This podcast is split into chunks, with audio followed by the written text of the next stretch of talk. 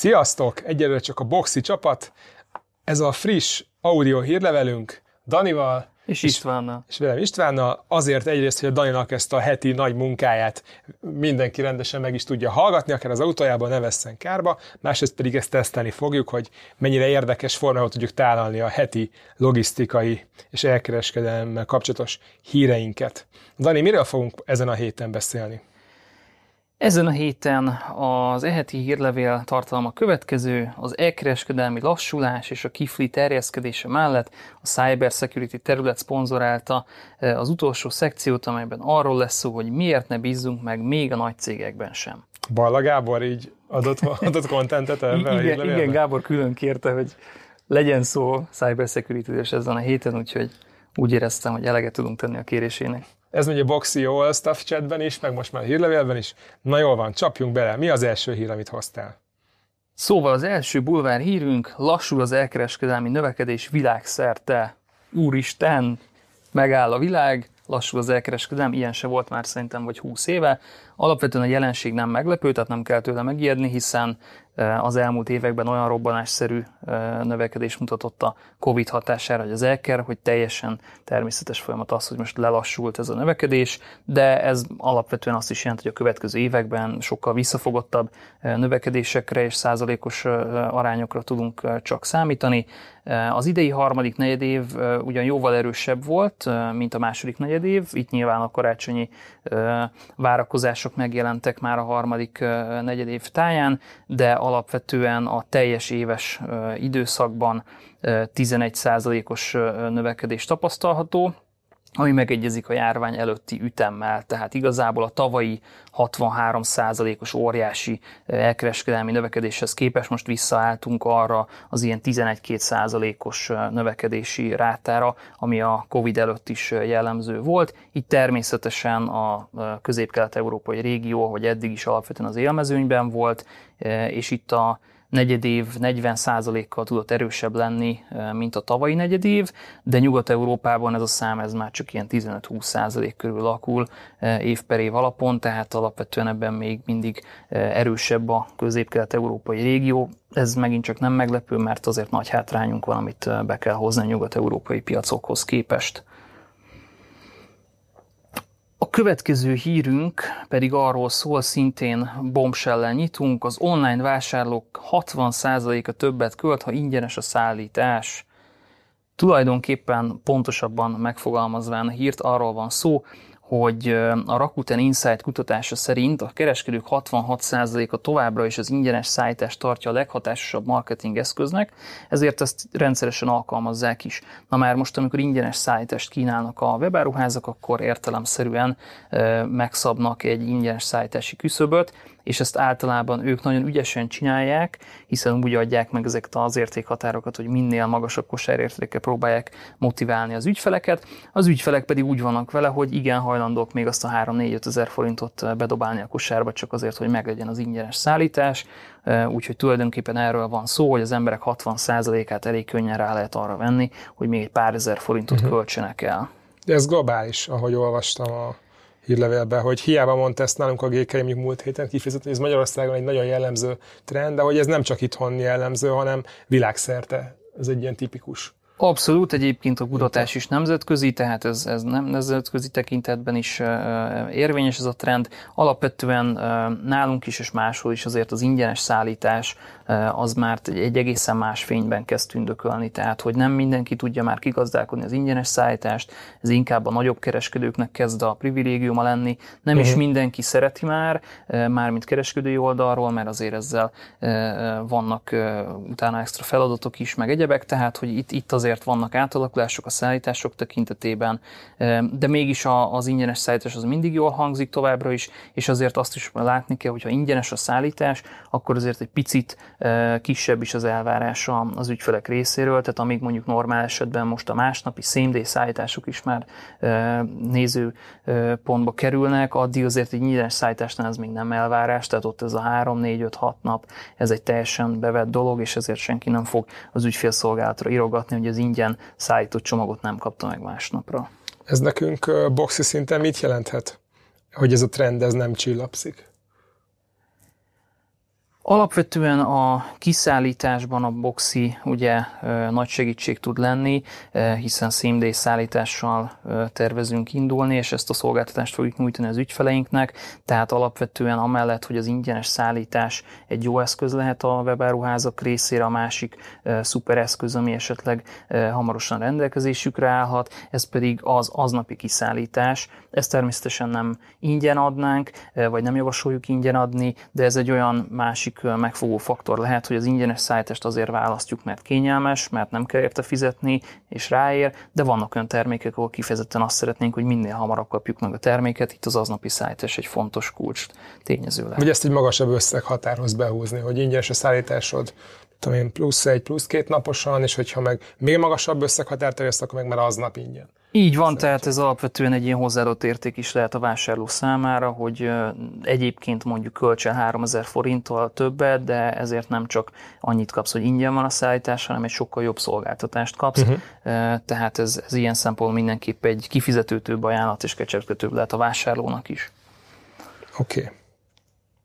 Jó, következő hírünk pedig magáról a Fulfillmentről szól, arról a tevékenységről, amit a Boxi is végez. Itt tulajdonképpen a Fulfillment tevékenységet annak tükrében vizsgálták a, a kutatók, illetve a cikknek az írói, hogy azok a nagy cégek, akik egyébként nem feltétlenül kiszervezett fulfillmenten, hanem saját fulfillmenten dolgoznak, azoknak ez a költség szerkezetében hogy alakult, illetve itt arról is van szó, hogy olyan nagy cégek, akik eddig mondjuk főleg fizikai lokációkban értékesítettek és fizikai boltjaik voltak, hogyan álltak át az online értékesítésre, és ez hogyan alakította át a raktár tevékenységeiket. Az Amazon esetében például ez egy érdekes példa, hogy az Amazonnak a, dinamikus terjeszkedése az ugye közismert, és egyre több és több piacon van ott. Egyébként bármelyik piacra, ahol belép, általában piacvezető szerepre tör és ezért, hogy ezt a dinamikus növekedést ezt finanszírozni kell, egyre többet és többet költenek ugye a raktára, így most körülbelül 31%-os az értékesítésre vetített fulfillment költsége a cégnek, ami alapvetően azért nem rossz, de tud enni az Amazon jobbat is, hogyha éppen nem terjeszkedik. Mert például, hogyha hozzá mérjük az Alandót, ami egy szintén a divat szegmensben piacvezető cég a német piacon, illetve számos más európai országban. Ők nekik 26%-ra sikerült letornászni az értékesítésre vetített fulfillment költségeiket, és alapvetően ez javuló tendenciát mutat. Megint ehhez egy érdekes példa, tovább fűzve a Hello Fresh nevű készételszállító nemzetközi cég, szintén hasonló önálló raktárban működik, viszont ők még a tavalyhoz képest további 10%-kal tudták csökkenteni a költségeiket, tehát az látszik, hogy ezek a nagy cégek, hogy egyre nagyobbra nőnek, egyre lejjebb tudják tölni ezeket a raktár költségeiket, hiszen a mérethatékonyságokán tudnak javítani ezeken a számokon. Most az piaci átlag ez a 30-20 százalék között mozog ezeknél a nagy cégeknél, viszont azt látni kell, hogy ez a, ez a fajta hatékonyság növelés és ez a volumen hatékony raktározás, ez nem csak a nagy szereplőknek a kiváltsága, pontosan azoknak a kis webshopoknak is elérhető, akik ezt akár nem is gondolnák, például olyan szolgáltatókon keresztül, mint a Boxi, akik kiszervezetten nyújtják ezeket a fulfillment és raktár logisztikai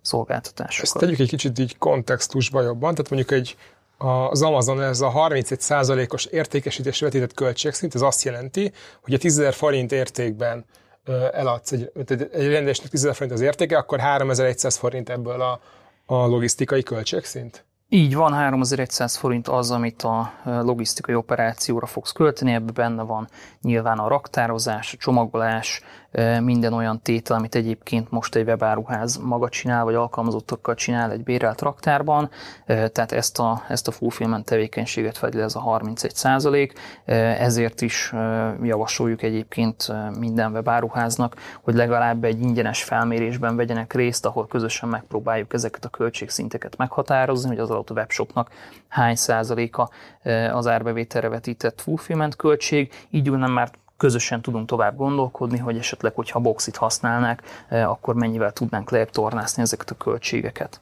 Uh-huh. Jó, még az Amazonnál maradva, alapvetően mindenhol dübörög a Black Friday, bár idén azért kicsit máshogy alakultak a, a számok, meg talán a promóciók is, mint a korábbi években de mindenképpen az Amazon is felpörgette a fulfillment kapacitásait, úgyhogy be is jelentették azt a, azt a hát nem igazából hírt, ezt már tényként közölték, hogy az elmúlt évben 10 új fulfillment centert nyitottak Anglia és Európa szerte, és szeretnék nyilván ezzel a karácsonyi szezont minél gördülékenyebben kiszolgálni. A Nyugat-Európában a Fulfillment by Amazon ügyfelek számára. Hét fulfillment centert egyébként már szeptemberben megnyitottak, és akkor még van egy-kettő, amit most a, a csúcs szezonra fognak beüzemelni. Azt azért hozzátenném, hogy a, az ügyfelek elmondása szerint azért nem volt ez ennyire fényes, bár láttak bővülő kapacitásokat, de nem mindenkinek volt elérhető ez az extra kapacitás. Voltak olyanok, akiknek egyébként látszott, hogy tudnának még bevinni, mert a cégnek van kapacitása, de különböző ilyen egyéni limitek kerültek bevezetésre, tehát igazából ezek valószínűleg főleg a nagyobb ügyfelekre lettek optimalizálva ezek, a, ezek az addicionális kapacitások, és a kisebb ügyfelek ebből valószínűleg kevesebbet tudtak profitálni. Egy gyors kérdés, ide, de akkor ennek köszönhető nem, hogy ilyen relatíven magas az Amazonnak a, a 31%-os költségszintje, amit értékesítésre vetít, hogy annyit investál az új full centrekbe folyamatosan, hogy emiatt van ilyen magasan. Abszolút, tehát az elmúlt években, évtizedekben az Amazon folyamatosan öntötte a pénzt a logisztikájába, ugye korábban nem is volt neki saját kiszállítása, csak uh-huh. raktárai voltak, most már raktárai vannak, fulfillment szolgáltatásai vannak, repülőgépei vannak, saját autói, saját kiszállítása, tehát alapvetően óriási dollármilliárdos beruházások mennek abba, hogy ő egymagában tudja kontrollálni az egész szállítási láncot. Oké. Okay. Oké, okay. talán nem mindenki ismeri a Locus Robotics nevű céget, bár korábbi hírlevelekben már írtunk róla, a DHL-nek egyébként egy stratégiai partnere, és a DHL-nek a különböző fulfillment és elkereskedelmi raktáraiban dolgoznak ezeket a kis robotok. Igazából ezek ilyen segítő robotok, akik a különböző pikkereket vagy komisíző embereket követik a sorok között, és akkor mennek utánuk, a könnyebben tudnak így közlekedni, meg nem kell cipekedniük ugye a raktárosoknak. Szóval a Locus Robotics alapvetően eddig is már jelen volt a különböző fulfillment centereknek a, a fejlesztése során, és, és több nagy projektjük is volt. Most viszont azt jelentették be, hogy egy másik típusú e, e, funkciót adtak hozzá a szoftverhez, mert eddig alapvetően csak arra voltak optimalizálva, hogy egy földszintes raktárban legyen az bármekkora is, hogyan tudnak sorok között előre, hátra, jobbra, balra menni. Viszont most ugye eljutottunk már arra a szintre, hogy Nyugat-Európában rengeteg raktár van, ami egyszerűen nem tud már oldal irányba terjeszteni, hanem fölfele kell különböző ilyen szinteken újabb és újabb munkaterületeket létrehozni. Úgyhogy a Locus szoftvere most már valós időben tudja támogatni a különböző emeleteken zajló fulfillment és raktár tevékenységeket, tehát nem csak a raktárnak a teljes hatékonyságát vizsgálja, hanem azt is összehangolja, hogy a különböző szinteken a különböző robotok és a különböző folyamatok hogyan adnak át egymásnak tevékenységeket, hol melyik készlet van, ezt melyik pikkelnek kell kiszedni, a másik terméket melyik pikkelnek kell kiszedni. Tehát ez, ez egy külön kihívás most az új fulfillment érában, hogy már nem, nem elég csak azt nézni, hogy akkor milyen a különböző robotizáltsági hatékonyság, meg hány négyzetméterünk van, hanem arra is kell figyelni, mi történik a harmadik meg a negyedik emeleten, és alapvetően itt a különböző liftek meg szállítópályáknak az összehangolása is egy izgalmas feladat. Látok egy ilyen spirál alakú csúszdát. Igen, vannak, vannak mindenféle robotliftek, amik a robotokat mozgatják, vannak spirálcsúszdák, ahol már a kiválogatott csomagok tudnak közlekedni, lent meg a különböző csomagoló állomásokra érkeznek meg ezek a rendelések, úgyhogy tényleg egy nagyon izgalmas dolog, amikor a különböző magasságú, 12-30 méter magasságú raktárakban 3-4 emeleten rohangálnak föl a robotok és az emberek szép harmóniában. Emiatt azért érdemes kinyitni az e-mailt is, és rákattintani a linkre, hogy ezt megnézzétek. Igen, egyébként sokszor vannak videók, meg képek a, az információk mögött, úgyhogy mindig érdemes azért megnézni a, az eredeti cikkeket is. bár próbálom a lényeget összefoglalni. Tervezünk ilyet amúgy, ilyen többszintű robotizációt a közeljövőben?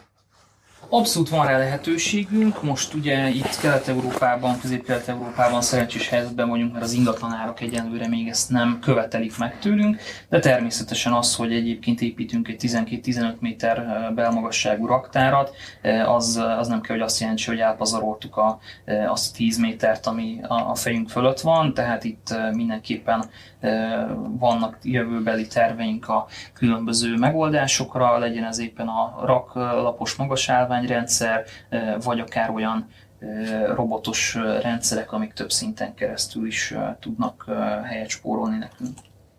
Tényleg érdemes a linkre kattintanatok. Mi a következő témánk? A következő témánk az alapvetően egy csomagautomatához kapcsolódó hír, itt a Baltikum egyik legnagyobb postai csomagautomata szolgáltatója, az Észt Omniva csoport jelentkezett egy újdonsággal, mégpedig azzal, hogy mostantól a csomagautomatákban, az egyes rekeszekben akár egyszerre több csomagot is be lehet rakni, feltéve, hogy ugyanaz a címzetje a csomagoknak.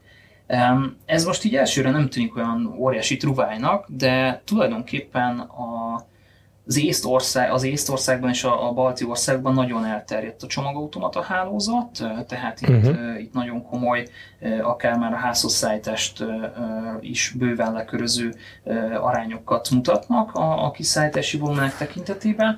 Ezért ezek az automaták mindig nagyon tele vannak, és folyamatosan a hálózat bővítési terveket nézegetik, és azért ez itt nagy könnyebbség, hogy akkor egy embernek a rendelése nem három különböző fakot foglal el, hanem akkor így gyakorlatilag felszabadul kettő fak, hogyha ugyanannak az embernek a rendelését be tudjuk rakni ugyanabba a rekeszbe. Egyébként csak, hogy értsük, hogy mi az a volumen meg sebesség, amiben itt a, a fejlettebb csomagautomatás országokban jelen helyzetben a fogyasztók élnek. Tulajdonképpen az Omnivának az automatái azok annyira népszerűek, hogy heti hét nap kell őket tölteni, naponta többször is.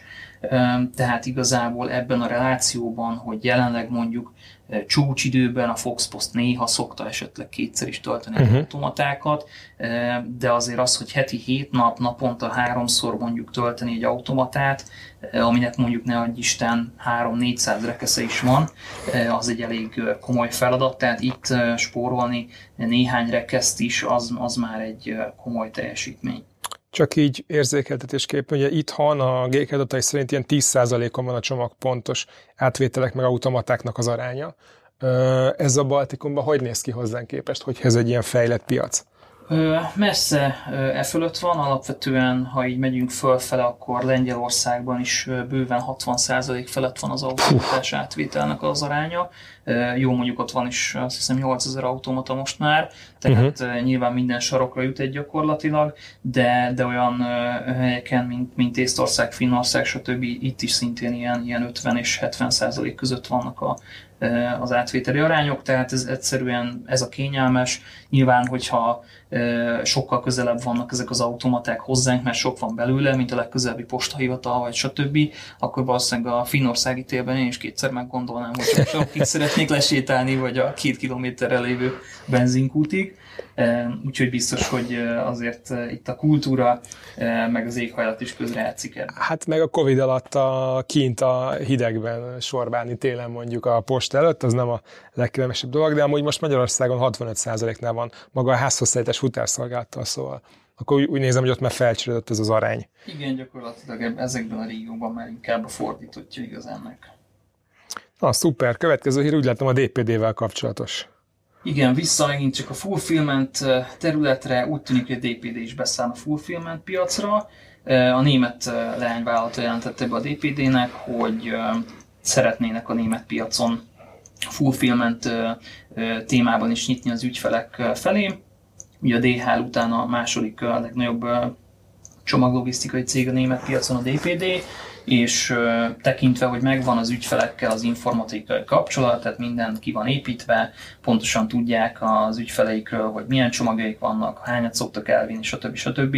Innentől már tulajdonképpen csak egy apró lépés az, hogy építsenek egy raktárat, és a fulfillment oldalon is ki tudják szolgálni az ügyfeleket, úgyhogy erre, erre büszkék most, hogy alapvetően most már egy ilyen nagyon messzemutató és komplex szolgáltatást fognak tudni a KKV szektorban nyújtani az ügyfeleknek. Erről többet most egyenlőre nem árultak el, igen szűkszóban nyilatkoztak csak a témában. Akkor valószínűleg tesztelik a német piacon, és akkor utána meglátják, hogy hogyan terjeszkednek ezzel. Igen, a DPD-nek megvan az a nagy előnye, hogy alapvetően az egyik legnagyobb, hanem a legnagyobb csomaglogisztikai cég a világon, és tulajdonképpen az, hogy lefejlesztettek valamit egy német piacon, azt már az összes többi piacra kiterjeszteni az nem egy bonyolult feladvány, uh-huh. főleg, hogy az informatikai háttér központosított, tehát igazából fejlesztéssel ezek nem járnak, csak lokalizálni kell a megoldásokat.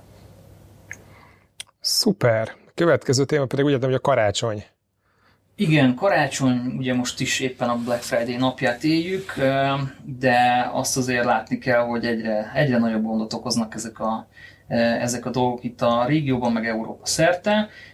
Hát úgy tűnik, hogy a régóta húzódó logisztikai problémák most már így a vásárlóknak a tudatába is beépültek, és igazából a karácsonyi vásárlás az minden eddiginél korábban kezdődött. Én is már már az októberi eh, hétvégéken is találkoztam emberekkel a, a, a Mamutban, akik sorba álltak a reggeli boltnyitások. De minden évben ezt mondják, nem? Hogy idén soha nem látott korán kezdődik a karácsonyi Igen, bevásárlás. Lehet, hogy, eh, de lehet, hogy ez egyébként összefüggésben van azzal, hogy akkor, eh, tehát a karácsony igazából akkor kezdődik, amikor a Mariah Carey számot elkezdik játszani a plázában, tehát ez, ez nem is igazából a vásárlók döntése, hanem ez már egy ilyen hipnotikus dolog. Tehát, hogy a nemzetközi kutatásban 4000 vásárló megkérdezésével készült egy, egy tanulmány, és a, az angol válaszadóknak az 51%-a, míg az amerikaiaknak a 66%-a nyilatkozott úgy, hogy már az idei Black Friday és a Cyber Monday előtt megkezdi a vásárlást. Ugye hivatalosan Amerikában általában a Black Friday szokott a karácsonyi vásárlásnak az első előfutára lenni, e, de itt most már az emberek kétharmada azt mondja, hogy ő már nem várja meg a Black Friday-t, inkább előbb elkezd vásárolni. Eh, csak hogy biztosra menjünk. Ugye ez idén különösen aktuális, hiszen eh, ellátási lánc problémák vannak, tehát effektíve eh, az is előfordult, hogy sokkal kisebb készletek vannak adott termékekből, tehát fölösleges megvárni, hogy mások elkapkodják előlünk. És a britek 40%-a azért vásárol hamarabb idén, mert fél, hogy limitált lesz a termékek elérhetősége, pont amiatt, amit mondtam.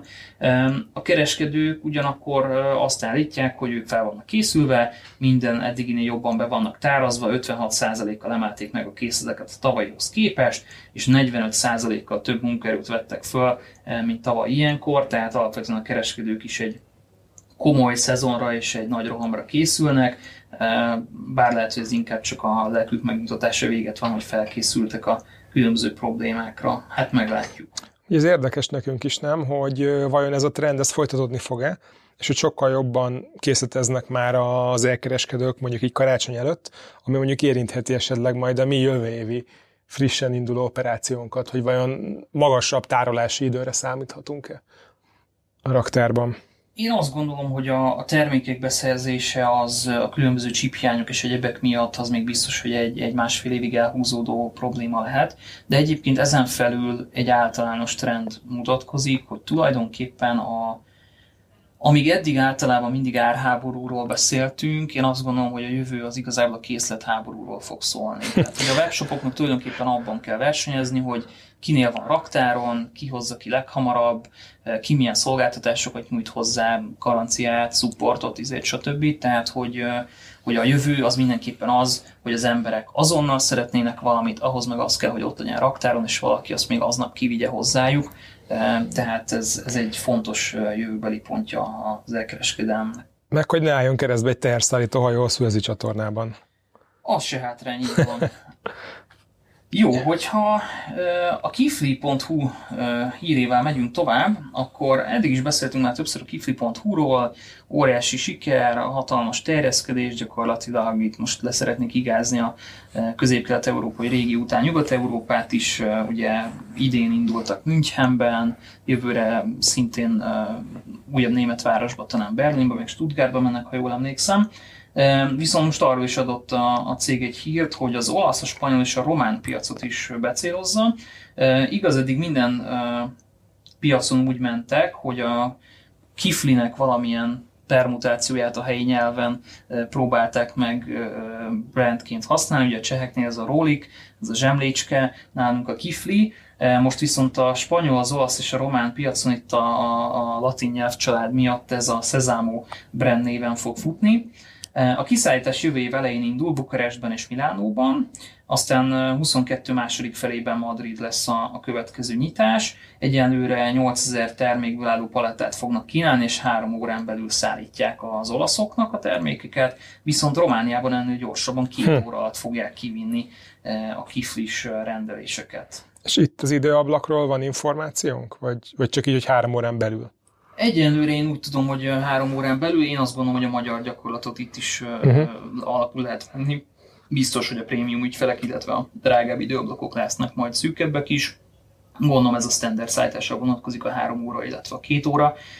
Itt alapvetően nekem érdekes volt, hogy, hogy a románoknál mutattak jobb szolgáltatási szintet bár most fejből nem tudom, hogy hányan laknak Bukarestben, meg hányan Milánóban, de minden esetre azt gondolom, hogy az olaszoknak azért valószínűleg nagyobb a vásárlójára, mint a románoknak, tehát ez egy érdekes döntés. Vagy lehet, hogy több rendeléssel számolnak, és emiatt nem vállalják be, de ez egy érdekes. Bár csak megkérdezhetnénk valakit tőlük. De ehelyett jöjjön Balla Gábor szponzorált rovata. Így van, Cybersecurity szponzorált rovata következik. Eh, ami az adatvédelemről szól. Tudni illik, a Wired magazin nemrég egy eh, riportot eh, adott közre az Amazon adatvédelmi struktúrájával és az egész témakörrel kapcsolatban. Hát itt ez nem tűnik túl pozitívnak. Egy korábbi Amazonos Cybersecurity vezető nyilatkozata és egyéb más ex-dolgozók nyilatkozata is azt támasztotta alá, hogy az Amazon nagyon ügyes abban, hogy megszerezze rólunk az összes adatot, tudja, hogy mit vásárolunk a neten, mi fogyott el otthon, mit nézünk a, a, az Amazon Prime-on, mit olvasunk a Kindle eh, könyvolvasónkon, és mit mondunk Alexának, meg tényleg gyakorlatilag minden aspektusát beszövi az életünknek az Amazonnak a, a hálója. Még amit nem is Alexának mondunk, de elhangzik.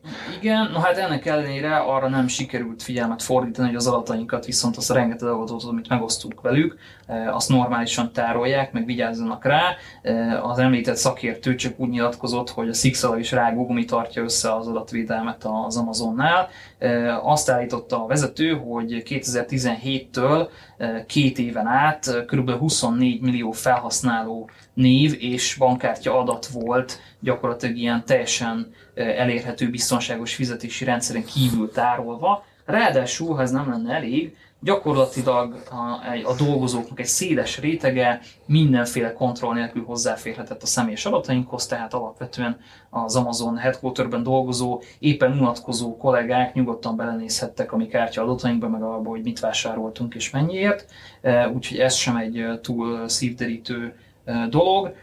Azt gondolnánk, hogy akkor az Amazon majd itt jól letagadja a vádakat és beperel mindenkit rossz hírnévkeltés miatt. Hát nem így történt, az Amazon nem tagadott semmit, helyette inkább csak úgy válaszolt, hogy alapvetően az elmondottak már nem igazak a cég jelenlegi helyzetében, és hogy ők természetesen mindent megtesznek, ami tőlük telik. Na hát ez egy ekkora cikkről azért az van, hogy elég karcsú vállalás, hogy most már nem igazak a korábbi problémáink, és amúgy meg minden tőlünk tehetőt megteszünk, tehát ennél azért azt gondolom, hogy kicsit konkrétabb lépéseket is kellene tenni, úgyhogy én eddig sem beszélgettem Alexával, de azt hiszem, hogy ezután se fogok. De gondolj bele, hogy ez a, ez a marketplace dilemmát az elkereskedőknél mennyire más fényben árnyalja, hogyha az Amazon nál is ennyire lyukas úgymond a rendszer, hogy a Mag Marketplace-nél például a magyar piacon, ott mennyire, legyünk, mennyire legyen egy elkereskedő bizalommal, milyen vásárlói adatok kerülnek át, kihez, mondjuk így az Elmagon keresztül. Szerintem ez egy jó érve arra, hogy ne annyira mi próbáljuk meg kommunikációban nem annyira buzdítani erre az elkereskedőket, hogy az marketplace-eket használják megpróbálok Balla Gábor magyar hangjelni a témában, de én azt gondolom, hogy minden eddiginél több figyelmet, pénzt és energiát kell arra fordítani, hogy a cyber security-t azt, e, azt minden oldalról egyrészt az adatok védelme érdekében is, másrésztről meg nyilván ahhoz, hogy a webáruházunk e, normálisan tudjon működni, azért itt különböző zsarolóvírusokra is láttunk már, ugye itt az elmúlt hetekben média már kapcsán. Elég komoly problémás helyzeteket, úgyhogy azt gondolom, hogy ez tényleg, tényleg ez egyik eh, fő témája lesz a következő éveknek mindenki számára, tehát azt gondolom, hogy senki nem tudja megúszni, teljesen mindegy, hogy mekkora webáruháza van. Na, akkor úgy érzem, hogy így laza 29, majdnem 30 percben ezt így össze is tudtuk fogni az eheti anyagokat. Ennyi, ennyi fért most a, az eheti rostába bele, úgyhogy köszönjük a figyelmet, reméljük, hogy a dugó már véget ért, amiben eddig ültetek, és jól szórakoztatok. És valószínűleg egy héttel később fogjátok ezt megkapni az audio anyagot, mint amikor ki lett küldve maga a hírlevél, de van rá esély, hogy még nem olvastátok el. De ez az egész csak Istvánon múlik, úgyhogy innen is presszionálom, hamar készüljön az audio anyag. Igen, nyugodtan jelezzetek majd vissza, ha hallgatjátok, hogy hogy tetszett, mire lennétek kíváncsiak, vagy ha akartok szerepelni, esetleg szponzorálni rovatot az adásban, akkor várjuk a készpénzes, szigorúan készpénzes megkereséseket. Túró Rudimal még vesztek. Én készpénz. Sziasztok! Hello!